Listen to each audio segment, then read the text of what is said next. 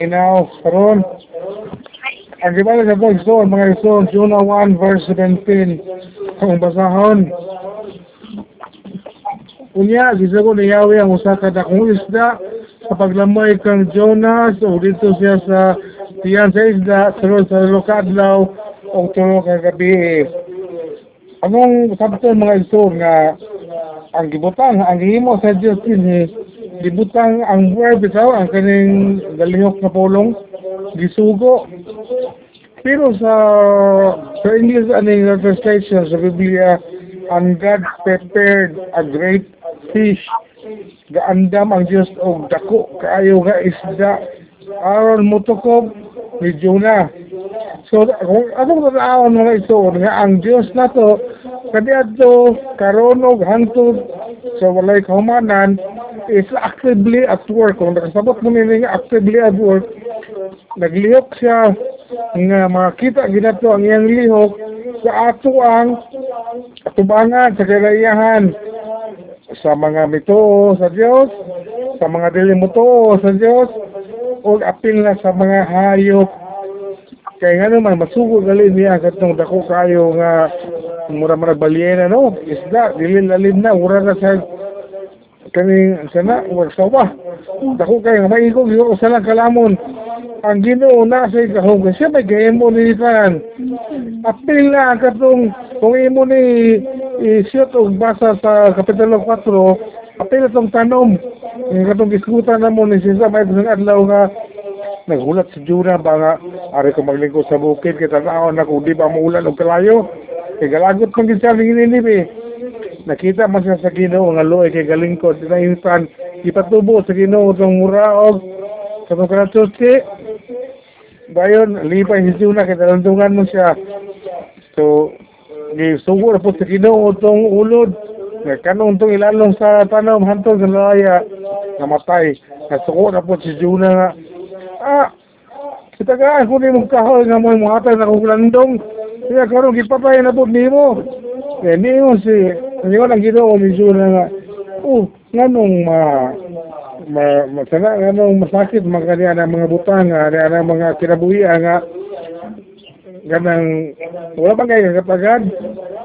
Ang angay ni mo pagdun ka ang katong mga tao nga kung di mo nga imong giwalihan kung naghinulsol ba sila wala. Kay kato kinabuhi man. So ikaduha mga iso na kung isay-isay ha si Juna na asulod sa isda tulo ka gabi o tulo ka adlaw di lalim. No rasel na quarantine no? Kung ko kasi ang sa lalong ang ilalong sa piyan bako kina na din na ang mga gipangkaon sa balina tingali ang mga kining mga nadira mga lumot naipon niya itong mga mga nakapanos dito nga mga isda nga mga mga buhi So mini mga isuon si si Juna wala siya active effort.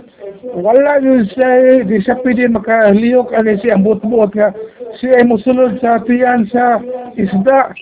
Kung dili wala yun siya kabuot nga paghagbong ito sa dagat reaction siya o gilamon na siya dili iyahang kagalihong nalihok di di di kaon na siya gilamon na siya sa isang adako o ingon ani ang tanan ng mga pagkitabo sa kinabuhi wala gyud sa nag-ot pareha po din nato sa ato mga liyo ko sa kalibutan dili ta pwede makabuot buot. Kana ang kay Ginoo mo na nga ang buti masabot niya ng submission to God's will.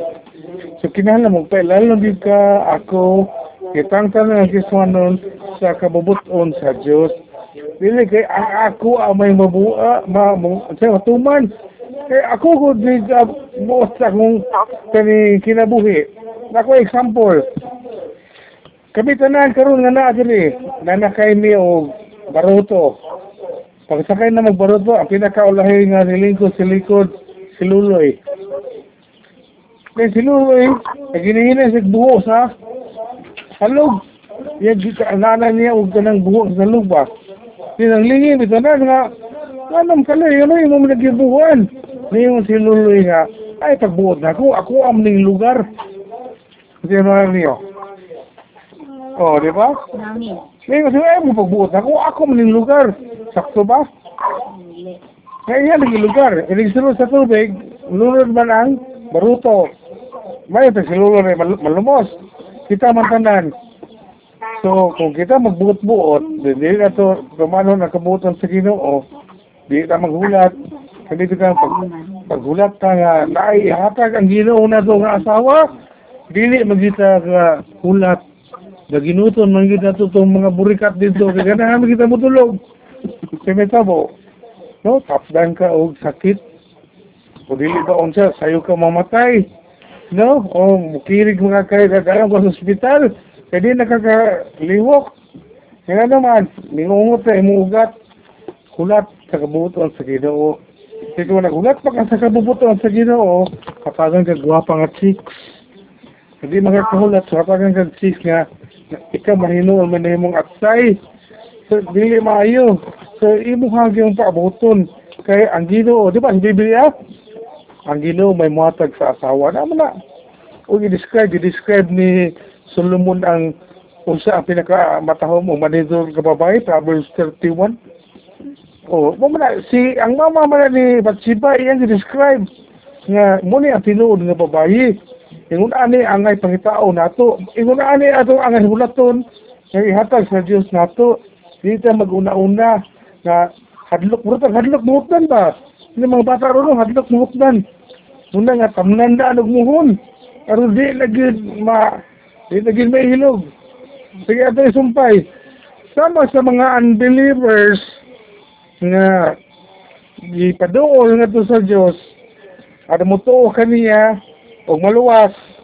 Ingon ani sa nito po Juna wala sa pagbuot sa iyang galingon. Nga dili ko kanang basta inig inig hagbo na kung dagat langoy na ko tapos bye bye pero wa sa kayo mo pareha mura nato sa una unbelievers sa nga di paduol sa Ginoo. Sa iya ko galingon. Nakabota wala ba yung adi ko mo duol ni mula di ko ganahan mo. So gipaduol kita sa Ginoo. Kay gusto man niya iya man kabuoton. So go with the flow. Kung ikaw gali dirahon ka sa Ginoo pabira gyud ayaw og lugnot kay kani siya ah, without conscious effort baka na bitang ah dili ko dili ko ay gubira kay wali yung ganahay na gini mo dili man na pwede makadili pugson sa Ginoo pero gusto man ang Ginoo nga ikaw makatilaw sa iyang grasya. Mo na siya ang iya ang giingon nga ipakita sa Dios sa iyang grasya.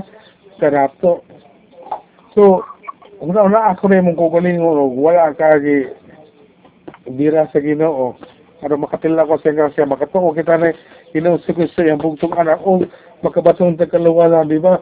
Pwedeng pwedeng usika sa itong kinabuhi muna nga kung tawgon ka sa Ginoo ayaw nagbalibad kung Amen. tawgon ka sa Ginoo din na stay put na gyud ka. Di na ka maghunanga og magbalin pa ka og lain. Di na nagyud ka. So mo na siya nga giandam puta sa Ginoo para sa sunod nga stage.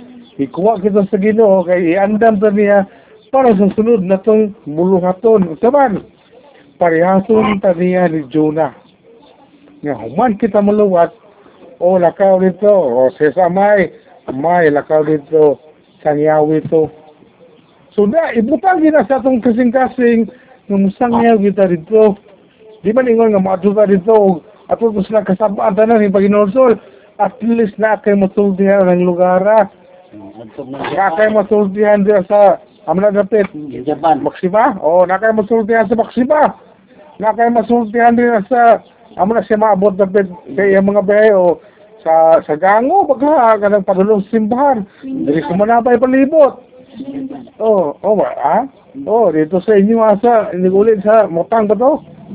Una na mga iso, muna siya ang next stage aron luwason ang uban pa wala pa na luwas. Sama ni Juna, dili ta mo balibad. Kaya kung mabalibad ka, sayang ang ato ang komisyon. Kung komisyon mo na, lakaw dito Pablo, sangya akong pulong nimo. Nako, ikaw sangyaw dito, sangyaw tong pan dito nga, nalimtan og dala sa mga disipulo. Niya si Pablo kay kapagultapol man di ganahan mo hali. Sa mo na nita mo ni Pablo, piangan ka Pablo, ay ha, pagka musugot mo ato ka dito.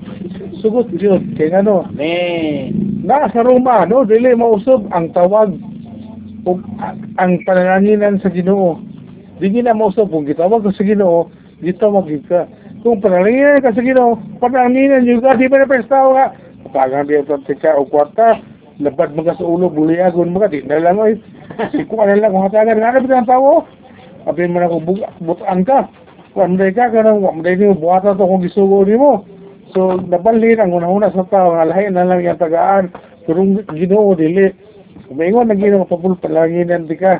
Ikaw, gina, di na na siya mubalhin ni Tomas. O Pablo, tawon di ka. Di na po na mubalhin ni Tomas. Ikaw, nagyod. Busa, kung tawon ka sa ginoo, kung iton ka, mabati ni mo nga ikaw, gitawag na sa pagpamuhat, mabati ni mo nga, naa na magkakaroon, luwas ka ka, gitawag mo kita tanan. Kung gitawag ka, tawag kita ug atong awaton si Jonah mo adto sa mga Ninibe daghang mga Ninibe din eh no mga Ninibe kibalo mo ta Ninibe daghang mag-inom daghang mga kahilayan daghang mga hugaw. Wa to kay syudad gali dili karon daghang mga mga juyot. Kasi ba mga juyot? Oh mga wan ba? Mga bayot. Yeah, mga bastos bitaw kay mga baba na sila. Na mga bayi. No sa akong panahon sa una daghang kay nila sa kining central to sa isang hotel. Naapa sa kanang hilbon, kakal na sa una. O kapukanan pa sa una ng ito akong trabahoan sa una nga inarmosyon. Iskuhan, daghan kayo dito. Then inilakaw ninyo sa may punan. No, sa una, sa panahon pa ito nakaraan, kape ang punan. Kung sa akong panahon, ang punan, bato. So, suyo pa na ilaha. Sayo, nag-ayo. Kana siya galunang sa mga kasalanan, bisan, pakaron. Daghana sila karon So kinahanglan ka na sila, ato na silang kuwaon, ug atong istangyaw ang tulong sa Diyos nila. Ano sila po, baka baton po o kaluwasan. Di lang kita to save others sama sa ato ang gisinati kagiluwas po sa Diyos o gipatilaw sa iyang grasya nga kita makadawat sa iyang bugtong anak at sige na sa Kristo. So kada natawag na to, tawag na gina na to. Di na tamang lood, di na tamo atras pa. Murag saksa bitaw, lakaw ka usa, atas ka duha. Di na bumalik, U-turn na. Ah, nalood na ko eh. Oh, oh, nalood na ko. Daghan man problema din. Bantik sa kadamo. Magkusuhanon pa. Ah, daghan may trabaho rin. Mato mo rin sa bukid eh, magsangyaw. Ah, kapuya oy, ako ato pa. Oh, kanang, wala mo din madalaan sa balay, di makakakaon. Kasi dito naman nahurot sa simbahan ang ato ang atong oras ano atong adlaw. So mo siya, ang katapusan, ano yung pa. Tuwing Juna at siya, paglabay karon ni Juna sa dagat, mo ay nakapahunong sa Bagyo. Tinood dili. No, pag gilabay man siya, paglabay na nahilom man ang dagat na nakalma man. Buot pa sa buot nga ang Dios mutugot lamang o muhilom lamang siya kung mo submit kita sa iya ha, i-submit na itong atong sala. Sinasabot mo na, kung taguan ni mo, kung iwan din yan, kung taguan ni mo sala, di ka maglampos. Pero kung isabit ni mo kagalingo, nagpayubos ka, kung imong isugid nga nakasala ka sa Diyos mo ni, kung pisal ko ni mo Lord, pasayluan ko, makadawat yung ka o kapasayluan, o magmalinahon kasi mong kaugalingon. Mahimong makalma ang imong mga bagyo sa kinabuhi Amen. So, pagkaan, ang imong pakiramdam, ang gaan-gaan ng feeling. No, naman sa, sa commercial. So, katong, sa katabutan mo ni, naipulong dito rin na katong 17, nga, kaning unya gisugo ni Yahweh ang usa ka dakong isda. Sa English na nagibutang man na God prepared a great fi uh, fish. Kanang dako in English ba? Kaning uh, kaning Hebrewhanon nga pulong aning prepared kuya ko sa meaning. Nga pag ingo dito nga nag-prepare ang Dios sa usa ka dakong isda ang meaning dito sa Hebrewhanon nga pulong anang prepared ga-enroll. Kaya wala mo ga-enroll sa eskwelahan ba? Galista ang Ginoo. Kani ibutan mo kay Pablo dako siya nga balina. Gi-enroll sa Ginoo si Pablo. Ka Pablo ato ato dito sa katong dagat dito kaya murag ihagbong nila dito nga propeta gay ulo si Tomas lamuya to iyang gi-enroll muto na sinitis Pablo ito kung sukitagan pag ilo ginahagbong si Pablo, ang nga nga dito, ah, si Tomat, nga nga si Pablo, liyan, yung gitakob si katong propeta nga kahagbong, si Jonah, gi-enroll. Ganong, nga na magsulat sa Hebrahanon, kung i-enroll ka, di na makakadrop out. Di na makakadrop. Kaya kung madrop ka, mudrap ka, pagitaan makamais ka. Di enroll ka sa Ginoo, yung mudrap ka. Aduha na mo ni Jonah nga, pakita uno na eh. So, atuan na dito, Pablo, kaya gi-enroll ka di para ba ka sa kas record. Ah, na si Pablo ito, katang isda. Muna siya. Dahil, gisumpay, sumpay ito, uh, prepared a great fish, fish to swallow. Jonah, kuya po kaya meaning sa swallow, no? Ano nang takop? Ang iyang meaning na to cover. Di ba swallow? Kano? Pero ang, ang pagkasulat sa Hebrewano meaning to cover. Pero tabunan, si Jonah nga naman, malumos. Pero giswalo man, gikabiran, wala malumos, uga masusulod. So si Juna, bahalag wala siya kaong kaon dito. Nakatay siya napulitan dito, kinaon sa isda ng mga dilata. no, kaya kung sa'yo to, kung sa baka ka lang, kaya kadang, kadaghan ng isda diri, kinilaw rin. Oh, eh, daghan mga mga nakaon sa isda. So si Juna, bumi. So naasa dito, nag-uol kayo siya kay gusto na siya mamatay. Pero pag, tingali, pag ana-ana na sa salog, yan naman yung mga pagkaon din rin. No, kana nang lutaw ito ang mga pagkaon tingali. Nagulitan ni Juna, bala, pagkaon mo ni. Uga-uga pa o. O, kaon, Juna. So, yun na naman ito, kung, kung iswalo ang, ikaw iswalo ka, di kabilan ka sa ginoo. Tang lamyun ka? Ibutan na ko sa negatibo, lamyun ka sa sala. Buot para po, kabunan ka sa sala, kaya ganahan man ang sala ni mo. So, sa may may kamo ni mo, maglunang na ka sa sala. Kung iswalo ka sa grasya sa Diyos, gitabunan ka sa iyahang grasya, walay makailabot di mo, luwas pa ka. Kung sa katabusan, belly, botak sa butiyan. Pero ang ilahan pag hubad anak dito sa Hebrewhanon, gitawag siya og heart. So ito pa, kung naa ka sa tiyan, di itong sa isda si Juna, sama ra po niya si Juna, naa sa kasing-kasing sa isda. So ang isda po nga, pag ko ani, Pablo ba, pag ibutay sa Paul, pag hinay ko ani, kaya gi-enroll niya ko sa ginoo. Ako ni sertifika nga di hindi siya ma mahuot. So, gibatay po sa isda nga, ako lang ito sa baybay, kaya ako ni iluwa. Iyan, di care ba, no? Please be careful with my heart. Pag luwa na ni Juna, si Juna nakabunan pag yung mga lumot. Di na samot sa kasayt.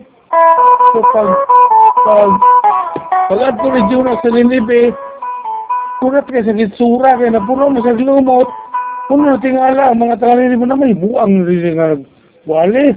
Pero kung sa may giwali, ano yung murag buang ang propita, pag hinusol ka mo, kaya nag-ingon ang ginoo, di, o Juna, ako mana, mana akong wali, ito, ito na sa bukid. So, tanawang ka mga ninibi, mutuo ba rin? Dahil ba siya mga ulo, grabe lang sala. Dito sa nilingkod, kaya nagpaabot nga, paulanan sa ginoo, kalayo. Puro wala man po sa ginoo, kalayo. Kaya naluoy lagi ang ginoo. Unbelievers, ha? Ayaw mo kalimot nga, bisan ang unbelievers, ang dili matuon, karon. No, baguro mo sa nagminasaya sa Biblia na gapon, Ezekiel. Naluoy ang ginoo, bisan pa sa unbelievers kita pa noon. So, sabi itong himo nila, ato silang kabuton. Kaya kung sa ito, gibasa mo itong mama ninyo, si Suramay, dili mutugot ang Diyos nga mamatay. Tanda ng katawan mo nila, makadangat sa paghinulsol o maluwas. Dili ka na lang ginoo, kita na mamatay, nga dili ka hinulsol.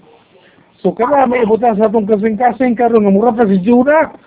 Mukabot atong mga tao nga wala pa yung tao nakailan ni Jesus. Ug ato silang ipilailan ni Jesus Christ nga may maluluwas. Karon sila maluwas sama ka nato mahitabo nga makatuon sila ug si Jesus kung makaandam sila pareha na po itong giwalay gabi nga samtang nagulat pata sa pagbalik ni Jesus napuno na kita og gasa atong mga lampara magtulong ta spiritual care sige tagtuon magkagila-ila ta sa Ginoo pero andam na kita kay nagbalik sa Ginoo di ako ay na pa di ako gulod sugat ni mo ah nga nagwali kamo eh ah dungan na ito ato na dito No? Sabay tayo na yun. Sabay tayo mangarap sa mundo. So, nindot kayo ang giwali mga igsoon. Kaning libro sa Juna, sa mga karaan nga pastore ni katong kabalo mo kabalo mo himo og kana expository nga wali makahimo og gid og daghan nga expository nga wali bayra ni Jona. Ako sa una nakahimo mo ko aning tulo ka block expository? Dinhi makita na sa libro ni Jona nga ang Ginoo muhatag gid og second chance. Kay man na muhatag gid ta muhatag ang Ginoo og second chance nato. Si Juna unsa may second chance siya paghuman og luwa sa sa sa katong iho niya sa baybayon gibalik siya og sulti sa Ginoo. Wala man siya hina sa Ginoo uli na lang jura samok magasugo na di ba kapato gibalik sa Ginoo og sulti nga isulti ko akong gipasulti nimo. Second chance na kamara na nga iyon mo siya o ikaw Michael. Karon tagaan tigag bagong kinabuhi pagtarong na sa imong kinabuhi. O gamita imo ang kinabuhi kamara mo sangyaw sa atong uban na pareha nimo kani adto di ka maulaw ana. Kita tanan wala si Juna gipadala. So mura ko ni siya og nag hulagway kanato karon ba nga atong ibutan ang kinabuhi nga Juna nga kitapon so manghinaot bagampo ko kita tanan atong sundugon si Juna. Kung dili gyud ato pakyason nga gikan karong adlaw mahimo kita mga Juna Maadto ta og katong kaputonon di man ta kinahanglan nga musulong ta ng lawis musulong ta sa annex musulong ta sa mga lugar aron magwali-wali ta sa merkado no magsigit-sagit ta di man kinahanglan. Kana imong tapat sa opisina kana imong tapat sa tricycle uh, pwede ba rin? Magtapat sa tricycle kana imong tapat sa jeepney kana imong gipalitan og mga lamas sa merkado pwede mo na Binigay ka ng mali ice cream sa agura, pwede mo na sang yawan. Kana imuhang tapat sa simbahan nga, wala pa nagklaro sa iyang pagkakristuhan, o pwede mo din mo na kuhiton. Tuloan ka ka sister, brad, o say, lalong nga pagsunod sa ginoo. Kadili man ang kanan, diretso na master. Kung hinay mo gid ato ang pagtubo.